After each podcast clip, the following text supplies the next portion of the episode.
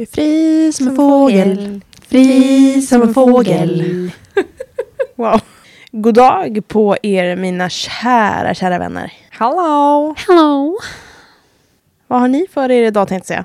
Men det, det vet jag ju för ni är ju här med mig. Hur mår ni? Alldeles tipptopp. Jo, det, det, det rullar. det rullar. Vad skönt. Ändå. För mig flyger det. Mm. Ja. Jag skulle nog säga samma. Mm. Ja, mm. just det. För eh, idag ska vi då prata om fåglar som flyger. Nej, alla fåglar. Men de flesta flyger ju. De absolut flesta, ja. I studion har vi idag Linan. Mange. Och Hasse. För Moa är på lite vift. Ja. I vårt Svealand.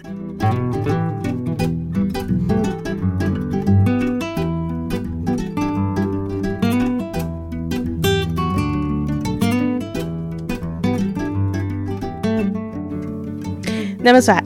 För två veckor sedan så släppte ju vi ett eh, frågeavsnitt där vi kom in på lite fåglar och intelligens. För vi hade ju fått en fråga om just det. Mm, det hade vi.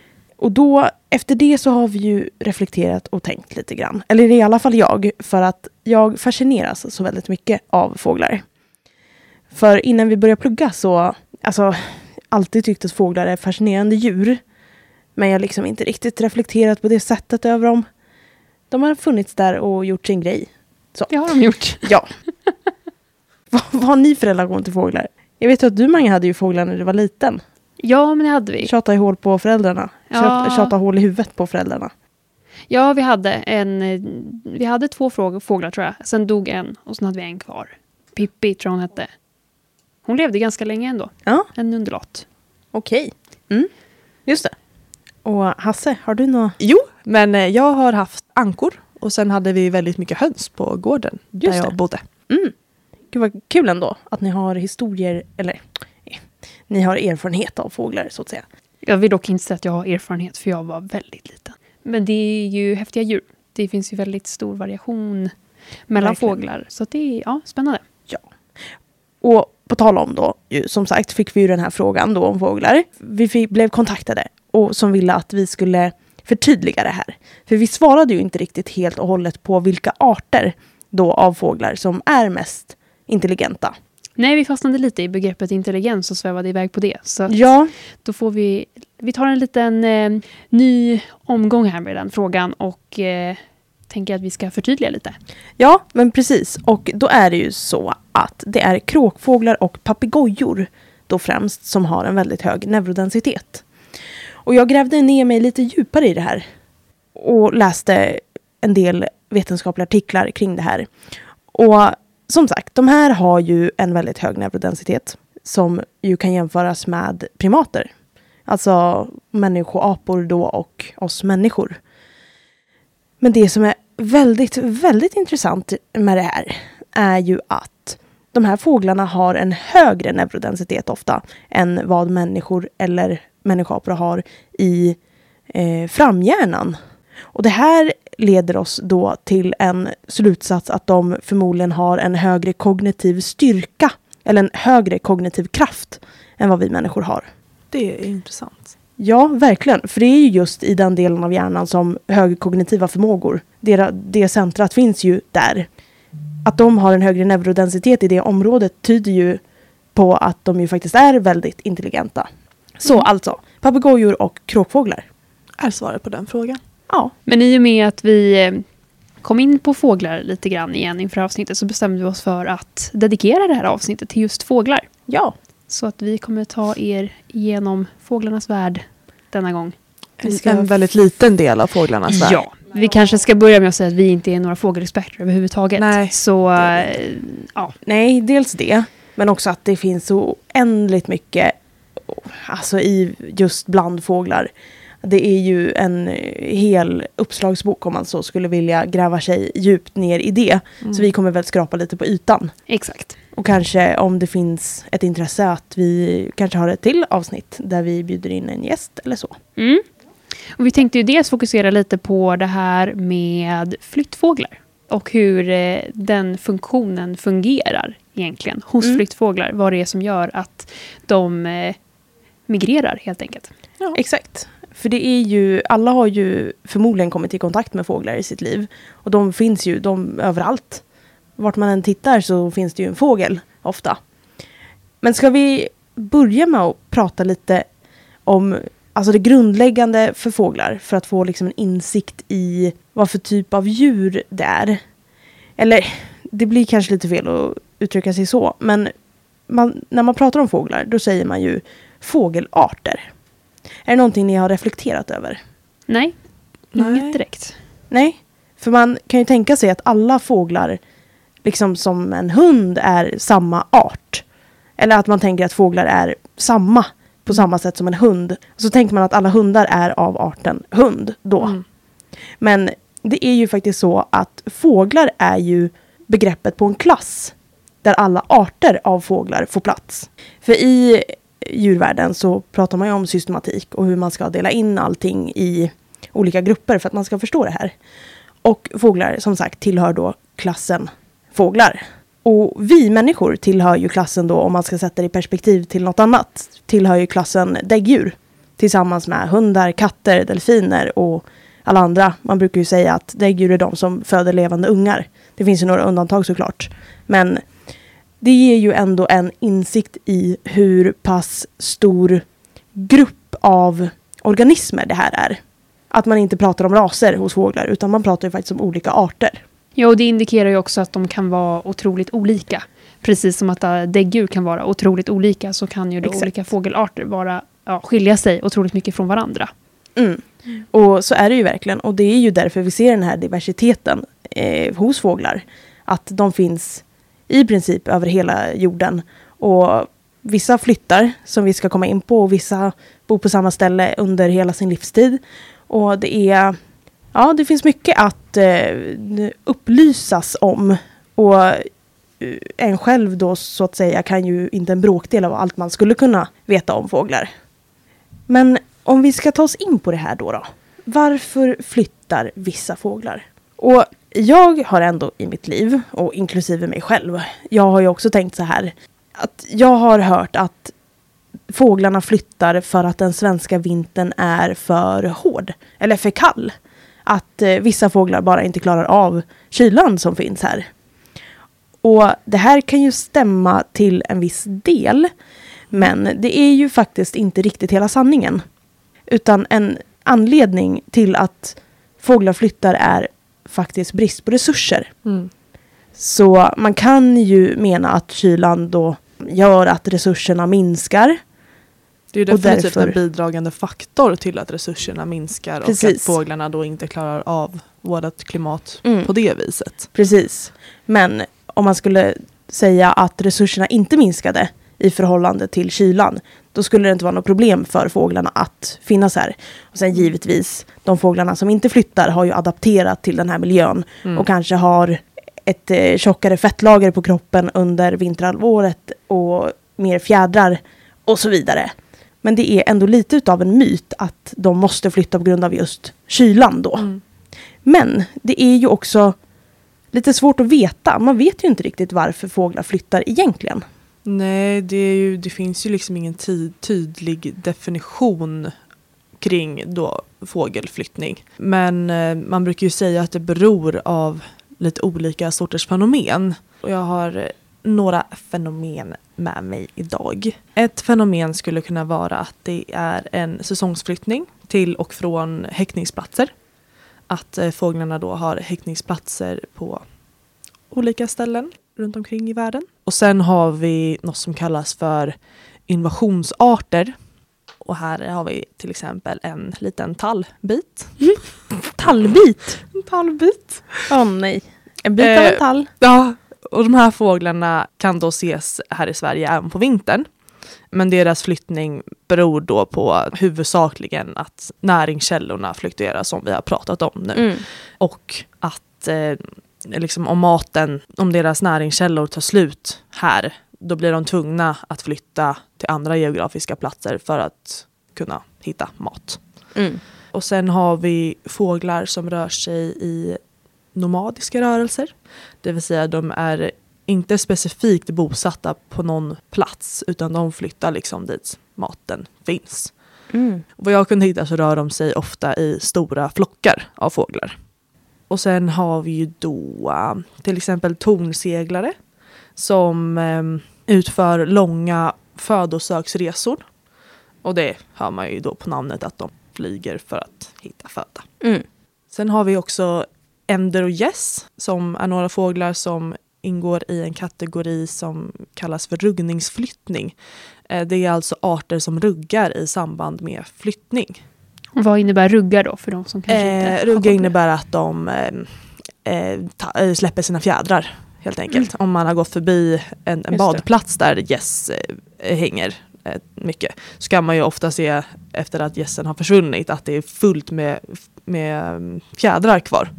Just det. Eh, så de ruggar alltså för att de ska kunna flyga långa sträckor och ruggningen hjälper dem att förbättra flygförmågan. Mhm.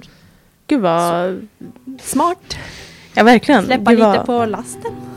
Ja, verkligen.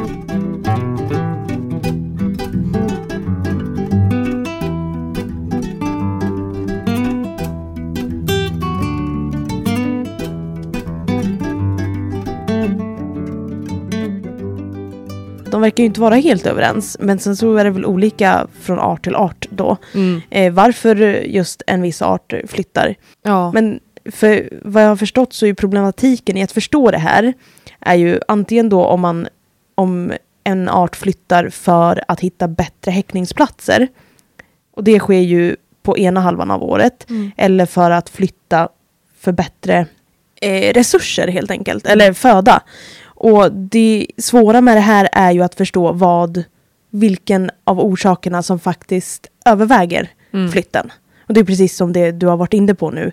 Att det finns olika orsaker till det här. Ja, så många av de här fågelarterna överlappar ju de här äh, fenomenen och kategorierna. Liksom. Mm. Och det är ju väl det som har varit det svåra för, för de som har studerat. Att eh, verkligen få en konkret, lite grann definition på varför en flyttfågel flyttar. Och kunna bestämma det då. Mm. För att det är så pass olika och man kan inte riktigt dra några gränser. Men jag tycker också att det är, det är ett häftigt fenomen när man tänker på det, just med flyttfåglar. Att det evolutionärt har formats då, att de flyttar. Och sättet de flyttar på, hur de flyger och att de kan flyga så otroligt långa sträckor. Mm. I Mm. väder och vind så att Mm. säga. Och att just flyga till samma ställe, att det, det är så många komponenter som läggs ihop på något sätt.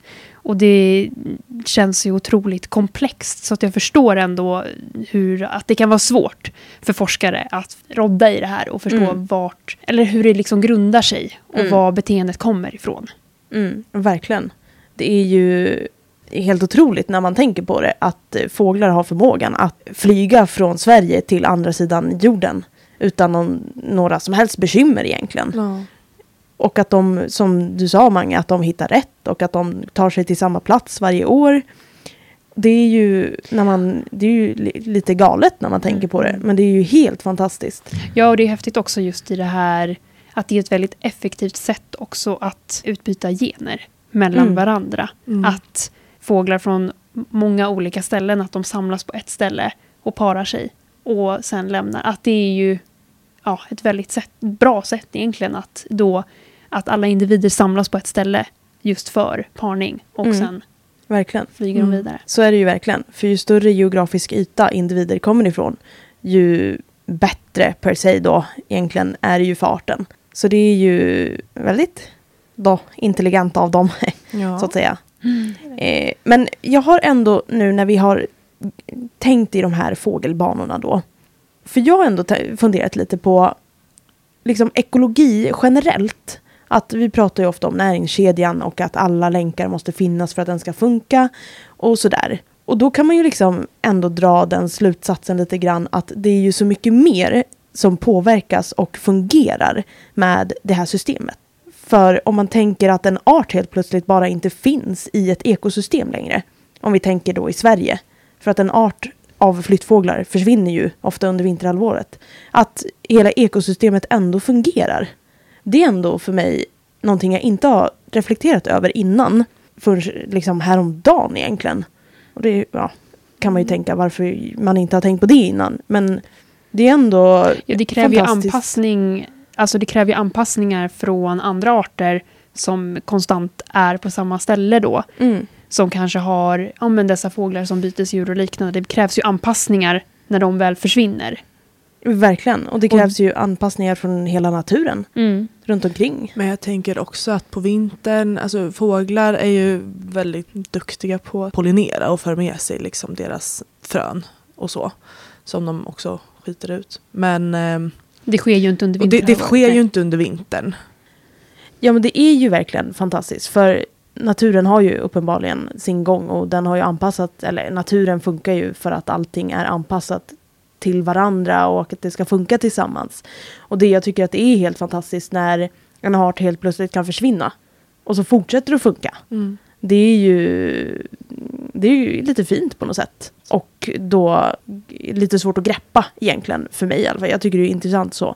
Men eh, ja, det är något jag har tänkt på då, då som djurpsykolog.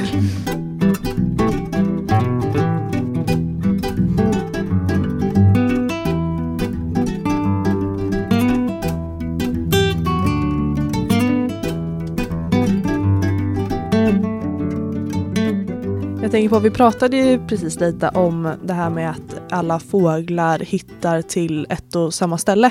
Mm. Har ni några tankar och funderingar på hur det här fungerar då? Hur fåglarna hittar Ja, och navigerar sig runt?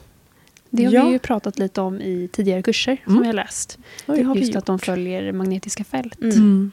Och då, vi pratade ju om en räv i första avsnittet som eh, jagar med hjälp av magnetfältet. Och det är ju ganska utbrett bland djur att man faktiskt använder sig av magnetfältet för att kunna leva. Mm. Och det är Och- trevligt med en liten inbyggd kompass. Det saknar ju Ja, vi tyvärr. Mm. Ja, det gör Men- vi ju verkligen.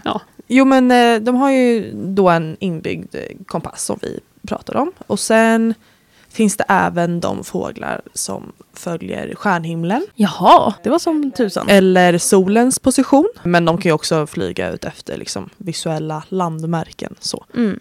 Och så vidare. De har säkert massa fler eh, tricks och knep som de har för att navigera runt som inte vi vet än. Mm.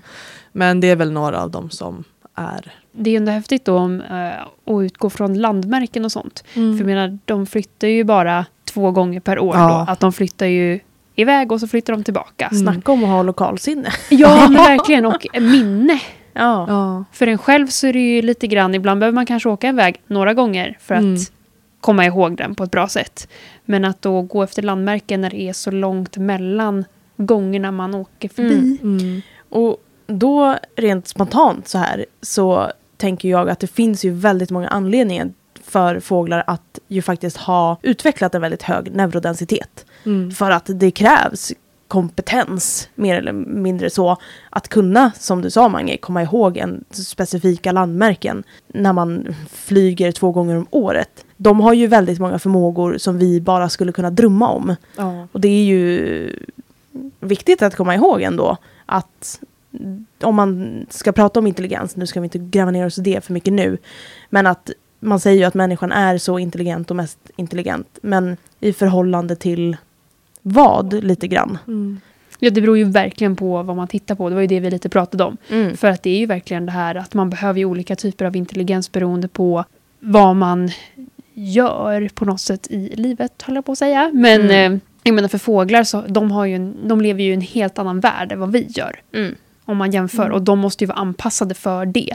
Mm. Så de har ju anpassad intelligens för det. För det är ju Mm. det som har fört deras art framåt och därför de finns, de arter som vi ser idag, därför de finns. För att de har anpassat sig och de har utvecklats. Precis som vi har. Mm. Ja, arterna använder ju sig av, av de här olika sätten. Och, och vissa är ju inlärda. Och då måste man ju ha ett minne och så. Och vissa är medfödda födda, som det här med en inbyggd kompass är ju medfött. Sen kan man ju säkert bygga på det med inlärda beteenden också. Men eh, det är coolt Mm. att de har liksom en medfödd kompass, många arter. För många arter, det, vissa flyger ju i flock, men vissa flyger ju också själva. Att det liksom, de kläcks här i Sverige och sen att de bara vet. Mm. Så flyger de iväg till häckningsplatsen då på andra sidan jordklotet och vet bara vart de ska. Mm. Ja, det är ju helt otroligt Mm. att det funkar. Ja, det här har vi läst en artikel om i skolan. Mm. Där de då testade det här magnetfältet för att se om fåglarna verkligen visste åt vilket håll de skulle till när de inte hade utsatts för någon flyttning. Eller när de i livet inte tidigare hade gjort någon flyttning, alltså nykläckta fåglar.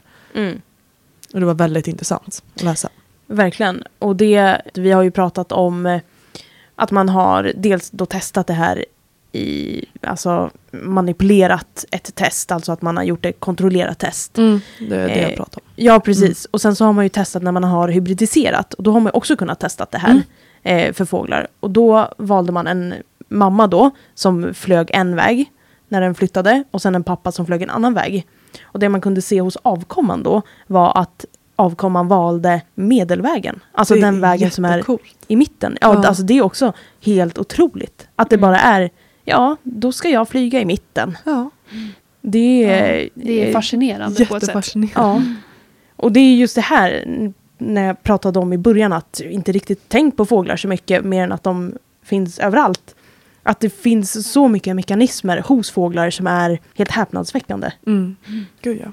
Sen kan man ju också prata om det här med eh, hur fåglarna fysiskt sett kan flytta så långa sträckor. Just det. Alltså de, de är ganska små Mm. jämfört med våran stora värld. Så. Mm.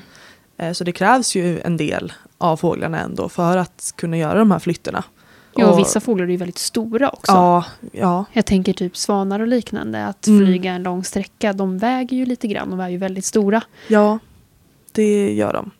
Men det krävs ju ett fettlager för Mm. att kunna ha energi för hela den här resan. Eh, som de faktiskt då gör. Och sen krävs det ju självklart en eh, specifik uppbyggnad av flygmuskulatur. Mm. Och det här sker ju naturligt Mm. i cykler under säsongerna då. För man hade ju, man har testat det här, vad jag minns. Att eh, man kunde kontrollera eller se till vilken föda fåglarna åt. Och så kunde man konstatera att de käkade nästan likadant under hela året. Men Mm. naturligt så blev muskelproduktionen mycket högre Mm. inför då en sån här lång flytt. Så utan att fåglarna egentligen behövde göra så mycket själva, Mm. så rent i Käka talspråk. lite mer kanske. Bara.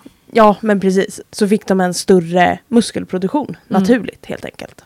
Helt sinnes. Ja, Så verkligen. coolt. Jag blir bara så fascinerad av exakt allt. Ja, men det är ju helt när man gräver sig ner i Ja. vad som faktiskt händer med fåglar och vad de gör och Ja. vad de är kapabla till. Ja, Och och, evolutionen i sig. Ja. för under långa flygningar så kan ju fågeln, fågelns kropp kan ju också stänga av vissa processer i kroppen såsom matsmältningssystemet Mm. för att kunna använda all energi som de har till då att flyga istället för att maten ska processeras just precis då. Mm.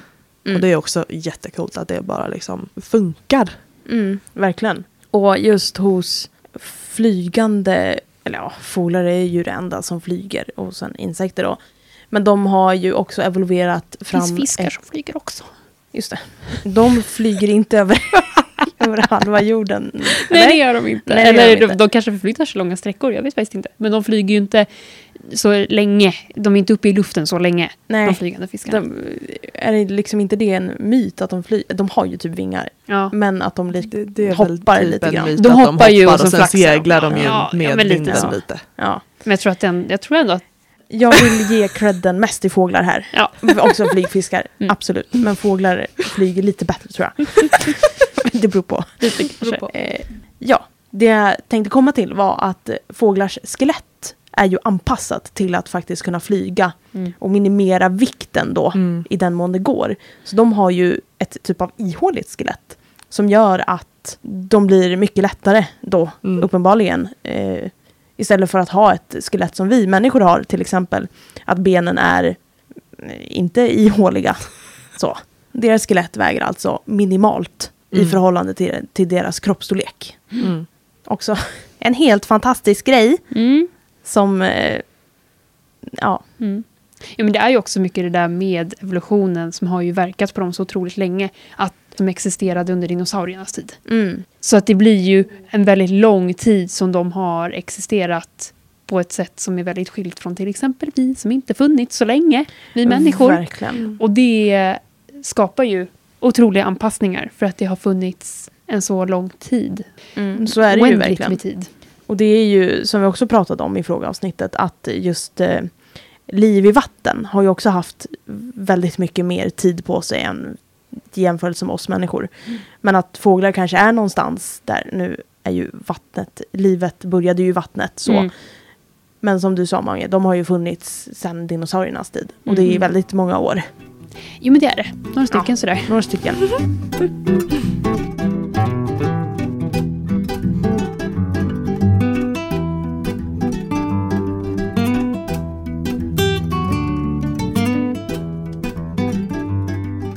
Veckans fun facts. Fun facts. Just det. Exakt. Du kommer ju med en hel radda du. Jajamän. Ja. Ja, men vi, vi hade ju faktiskt ingen, eh, ingen veckans i förra avsnittet. Nej. Så nu har vi... Några stycken vecka. Maximerat har vi gjort. Det ska bli jättekul, jag är jättetaggad. Ja, jag har förberett några stycken fun facts Wow, om wow, wow. fåglar då, då. I och med att det är där vi är. Nej, inte flygande fiskar då? Inget om det tyvärr. Ja, nej. Trist. Ja, det, det kommer nog bli mycket liksom så att jag bara säger. Men jag försöker blanda in lite frågor också så får vi se Ah, vad, okej. vad ni... Ja, Vi kommer nog komma med ett par reaktioner, så det är lugna Ja. puckar tror jag. yes.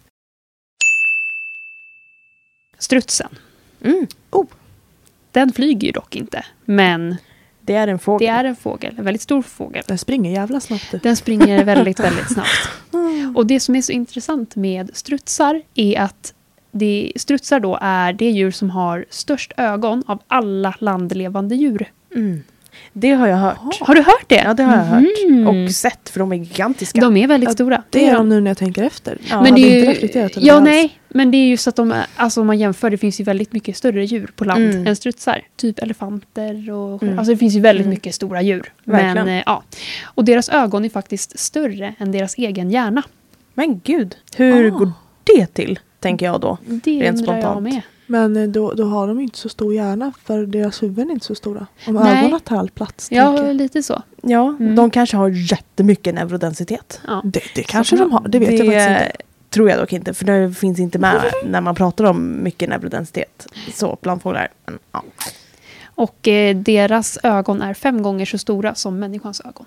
Whole macaroni. Det är mycket. Men Mm. har, vad har de användning För alla fysiologiska eller morfologiska drag är ju, finns ju för att det finns ett syfte med det. Mm. Jag tänker lite så här, bara rent spontant, behöver inte vara så här. Jag har inte läst på så jättemycket om just det här. Men i och med att det är en fågel som inte kan flyga, att väldigt viktigt att se faror på långt avstånd kanske. För i ett stort öga så finns ju plats för fler fotoreceptorer Mm. då, som då kan absorbera ljus Mm. som kommer in. Ja men det har du kanske en poäng i, Mm. eh, Mange. Mm. Att eh, de har gynnats av att kunna se väldigt väl då. Ja, men det brukar ju ändå finnas någon slags gynning i det, rent Mm. evolutionärt och eh, ja, överlevnadsmässigt. Mm. Så kanske någonting sånt. Men Vem just vet? att det är för att de inte flyger och att de måste då ha eh, bättre synfält. Mm. Eller bättre syn. De kanske kan se andra dimensioner än vad vi kan. Vi kanske får läsa på lite mer om det här och återkomma i ett Gud, avsnitt. Och om det är någon som lyssnar som vet svaret på det här, kontakta gärna oss. Ja. Så får vi reda på det. Mm, verkligen. Vi hoppar vidare till... Nu kommer jag ju säkert slakta det här ut, alltså fåglar och namn. Ja. Men hoatzin-fåglar Hmm. har klor på sina vingar när de är ungar som försvinner när de blir vuxna. Jaha, smart. Wow. Och Ja, de kan då smart. dels använda det om- när de förflyttar sig i, i träd. Men också att man har sett att de ungarna då hoppar ner i vatten när det kommer eh, rovdjur av Mhm. olika slag. Och då är det då ett, ett enkelt sätt för dem att ta sig upp i boet igen. Så kan de klättra på trädet Oj, upp. Klor. Mm. Men vadå, bo, Gud, vad- vet, vet du vart de I bor? liksom? Sydamerika Ah, främst. typ Mycket i längs Amazonasfloden Ah, ja. och sådär. Smart. Mm. Fan vilken bra eh, evolutionär anpassning. Mm. Och eh, det är intressant också för de rör sig som fyrbenta djur när de Men- använder sig av sina vingar. Så att de använder vingarna då som framben. Finns vilket det en- ingen annan fågel gör. Finns det en video på det här? För då tänker Det jag att det. vi publicerar det i vår Facebookgrupp. Mm. Så ni som lyssnar kan få Mm. se det också. Och jag vill också se. Mm. Jag vill också Så det är perfekt. Ja, Ja men precis, för alltså, annars hos fåglar så är det ju, det sitter ju genetiskt väldigt starkt att de ska ju flaxa med vingarna synkroniserat då. Mm. Men just att de eh, ja, rör sig som ett fyrbent djur. Och det är ja, väldigt intressant. Gud vad coolt. Ja, Har de liksom verkligen. en annan kognitionsförmåga? Har man sett på neurodensiteten Mm, hos de här fåglarna? Eh, Ungarna specifikt då om de inte. försvinner sen. Jag tänker att eh, de måste ha en väldigt hög fin, motori, Ja. fin motorisk förmåga då. Mm. Att kunna bestämma, mm, eller kunna röra sig då som eh, fyrbent. mm, Snarare än eh, synkroniserat. mm. Mm. Jag läste också lite snabbt att när de hade gjort tester på det här och manipulerat då så hade de lyckats omvända rörelse. Så att de gjorde så att då när de bytte, alltså neuroner och exoner då, som styrde den här rörelsen, när de liksom bytte plats på dem så fick de motsatt rörelsemönster. Mhm. Så att de rörde, om de rörde då höger vinge och vänster ben först och så bytte de plats, då vart det vänster vinge och höger ben istället. Mhm. Mycket intressant. Mm. Gud vad coolt. Hos ankor som sover i grupp så är de ankor som sover i utkanten av gruppen sover med ett öga öppet. Nej. Ja. Jaha. Jävla Är det torrt öga är det där. Mm. Och de i mitten sover med båda stängda. Men vem, är det alltid samma som sover på utkanten? Det vet jag inte. Nej men det antar jag att det inte är. Alltså i en flock så brukar man ju ändra dem. Mm. Ja. Och det beror väl när man tillkommer. Tillkommer man liksom längre ut på Ja kanten men, så... ja, men det är alltså ett... eh, Att man väljer då Mm. att sova med ett öga öppet. Exakt. Helt enkelt. För att hålla koll på om det skulle komma fiender. Oh, fan vad smart. Ändå dock, men ja verkligen. Och min spontana tanke är ju då, sover de verkligen? Eller vilar de? För hästar står ju och vaktar. Alltså en vaktar ju och resten sover. Att man inte har någon typ av sånt skiftespass Men det att kanske arbeta de i. har. Det kanske bara är att man inte har kollat in Ja, det. precis. Men det vore intressant att veta om Ja. hur det verkligen är. Om de faktiskt kan sova. Typ som delfiner vilar ju ena hjärnhalvan eh, åt gången så att säga. Ja, det är sant. Men det är också jävligt coolt. Ja, precis. Men om det är någon typ av sån grej ja, som de är, är kapabla till. Ja, då tänker jag kasta in en liten fråga. Mm. Den högsta uppmätta hastigheten hos en fågel i dyk har uppmätts för pilgrimsfalken. Vill ni liksom gissa hastigheten? Du sa för dyk. Ja, Alltså när de Mm. är typ ner och ska... precis. Ja. Och det är ju den uppmä- högsta uppmätta hastigheten för någon fågel alls då. Och då är det pilgrimsfalken. Alltså, I, i vilken jag- kilometer timmen? Ja, per sekund? precis. Kilometer timmen. Ja, Jag, mina tankar går ju att, liksom jättehögt. Och det är ju pinsamt om det är jättelångt ifrån nu. Men jag kommer dra till med typ så här 200 kilometer i timmen. Oj. För såg Mange lite glad ut. Nu vet jag inte om jag kommer gissa helt fel. Håna mig här inne. Nej. gud, måste träna på mitt pokerface också. Ja. Du, Men- åh fuck. Mm. Jag ångrar mig. 500 kilometer. Nej, jag står fast med vid 200. Du tror alltså att det är mer än 200? Men antingen är det så här åh, 70 kilometer i timmen, Ja. det är sjukt för en fågel typ. Eller så är det typ 200. Ja, du, Nej, men du jag kör inte- på 100 kilometer Ah, okej. i timmen. Ja. Det är 300 kilometer i timmen. 380. Nej men vad fan. Ja. Jag tänkte att det var något sådär sjukt. Ja. Jag var uppe, jag tänkte ta 350 först. Men Mm. sen så var det så, mm, Mm. nej. Ja. ja, 380. Det är så jävla snabbt. Det står dock ganska, ganska blandat. Men eh, ja, det står ja, som sagt lite olika. Det kanske var Men, en eh, exceptionell individ. Ja, det är, och det är den högsta uppmätta. Man Mm. är ju kanske inte ute och mäter varenda pilgrimsfalk som dyker. Det kan Men- hända att det går snabbare alltså. Ja, det skulle kunna. Men alla är de flesta är överens om i alla fall att ja, men generellt över 300 km i timmen för de Mm. flesta när de dyker. Giftiga fåglar. Jaha. Mm. Det finns några stycken olika. Men en är av giftiga dem... att äta eller giftiga om de pickar på en? Vi kommer till det. Hoppar händelserna i förväg. En. Och då har vi en svarthuvad, ber om ursäkt för uttalet, pitohui. Ursäkta? Ursäkta vadå? En svarthuvad pitohui. Mm, Säkert jättefel. Pitohui. Ber, ber som sagt om ursäkt. Ehm, de är ju då giftiga. Så att om man vidrar fågeln så bränns det på händerna. Mm. Mm. Va- Och- Vart finns de här? Tänkte precis säga vars finns de? De, kommer från, de finns då i Nya Guinea. Och de är då giftiga även om man äter dem. Man kan dö. Varför sitter ni och ler och skrattar? Vad har jag gjort nu? Jag vet inte. Jag tror att vi tänkte på hur... Att jag åt en macka? Eller vadå? Ja, ja det också. Ja. Nej, Nya Guinea. Ja, Ja. säger man inte så? Ginoa. Guinea skulle jag också s- Guinea. Jag blir så stressad av att Ja. uttal. Folk kommer bara, alltså hon är dum i huvudet. Hon kan inte uttala någonting. Quinoa. Men Ginoa! Aldrig Quinoa! hör. Quinoa. Nya quinoa! Okej, så här.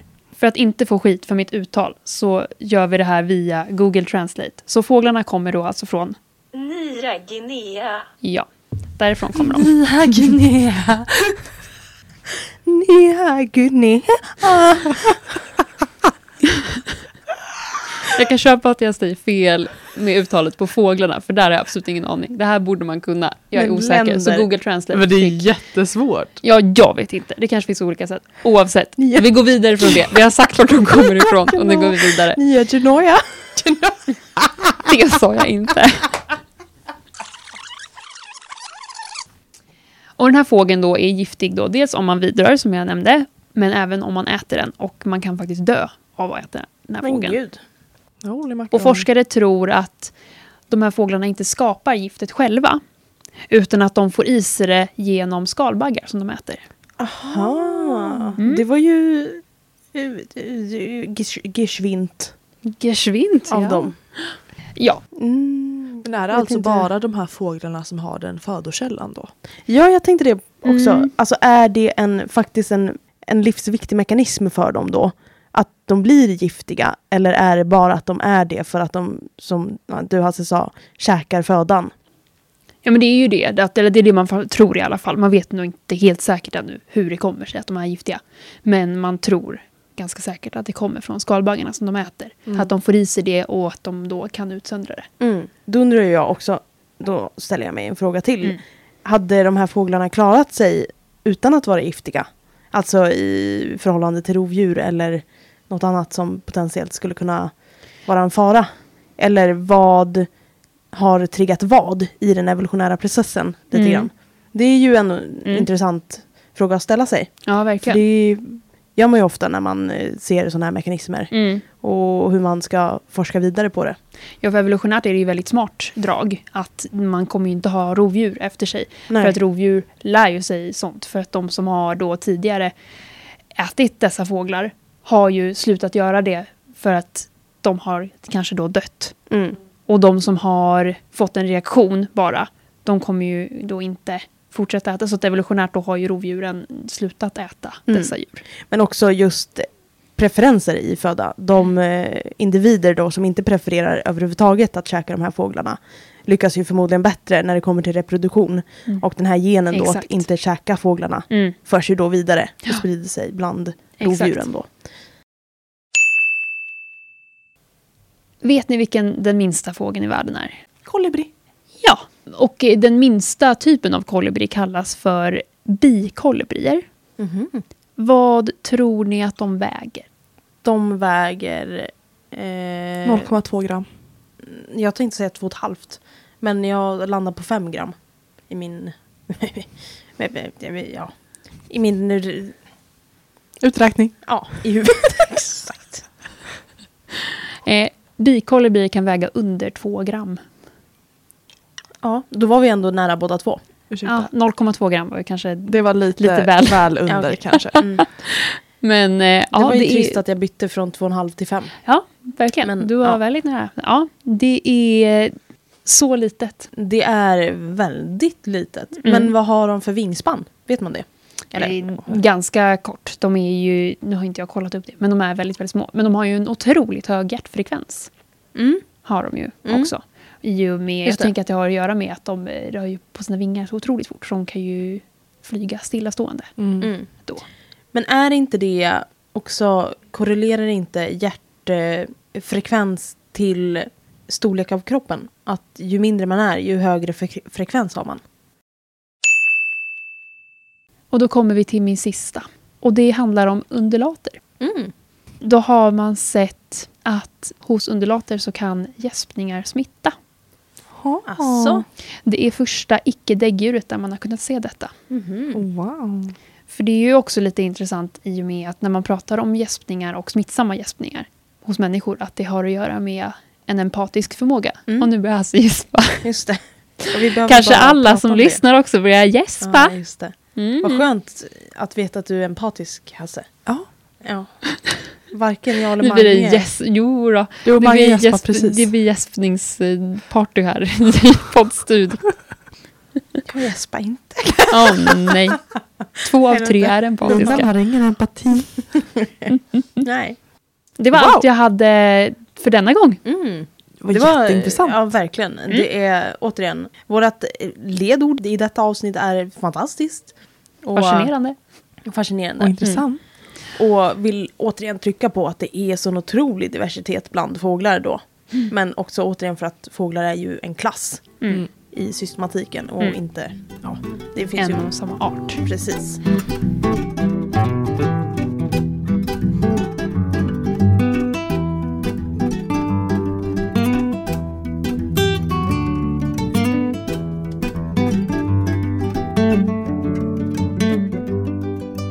Men eh, fåglar har vi Ja. pratat om.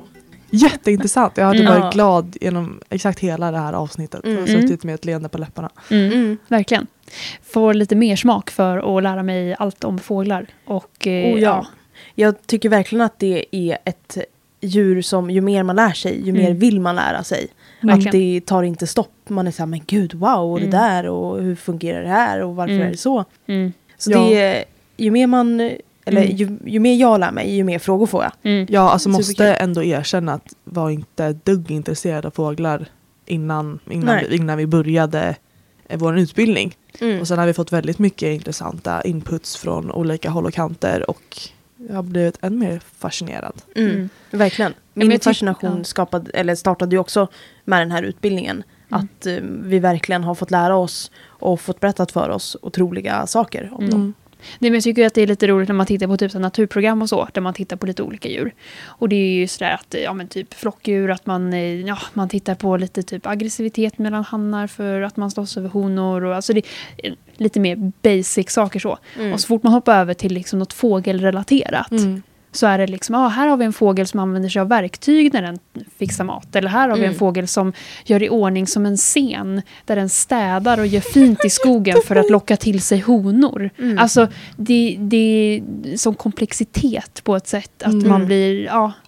Mm. Helt amazed. Mm. Vi kanske skulle ha ett avsnitt, och det kan ju ni som lyssnar nu kontakta oss och säga om ni skulle vara intresserade av det. Eh, ha ett avsnitt av intressanta beteenden som finns hos fåglar. Mm. Typ att de städar då. För det skulle jag jättegärna vilja läsa på mer om Mm. också. Det hade varit... Grotta ner sig i. Ja, Verkligen. verkligen. Och se om man kanske kan få hit någon som kan något om fåglar också, som kan Mm. berätta mer. Så om ni vill kontakta oss så kan ni göra det på vår Facebook. Där vi heter Gärna Djur. Eller på vår Instagram, där vi också heter Gärna djur. Eller mejla till garnadjur.hotmail.com. Då ses vi nästa vecka.